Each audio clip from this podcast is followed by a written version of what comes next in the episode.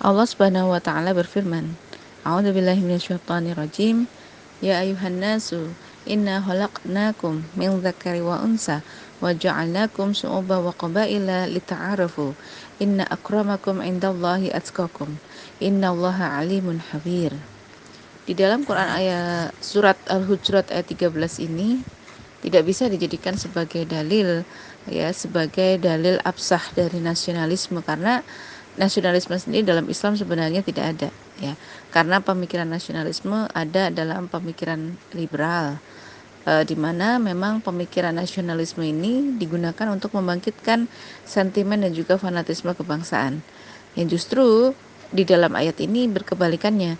Ya ayat ini justru mengunggulkan kelompok manusia atas dasar kebanggaan kesukuan dan bahkan keturunan Ya, jadi jika nasionalisme kemudian menjadikan perbedaan bangsa sebagai alasan untuk memecah belah manusia atas dasar batas teritori dan sebagainya, justru Al-Hujurat ayat 13 ini sebaliknya perbedaan bangsa itu digunakan untuk e, upaya saling mengenal, lita arafu, supaya kalian saling mengenal. Masya Allah.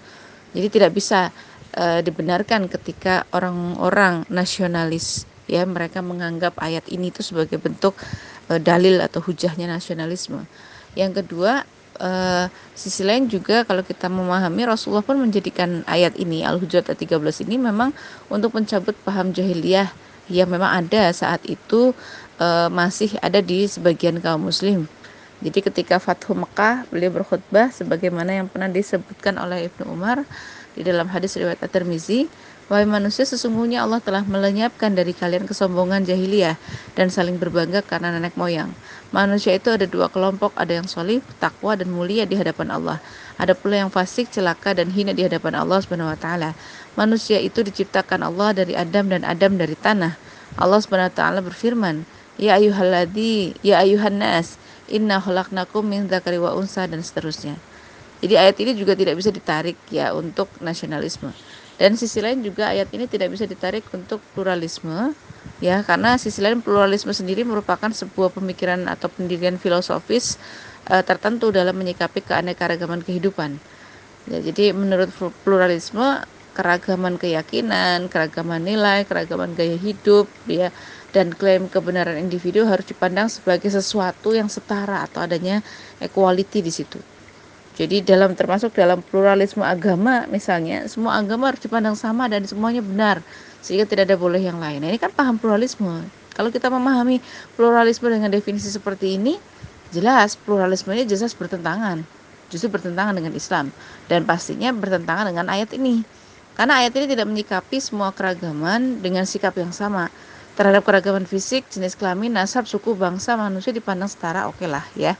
Tidak ada yang lebih tinggi atau mulia di hadapan yang lain. Sebab faktanya e, semua keanek keanekaragaman tersebut memang ada dalam wilayah yang tidak dikuasai oleh manusia.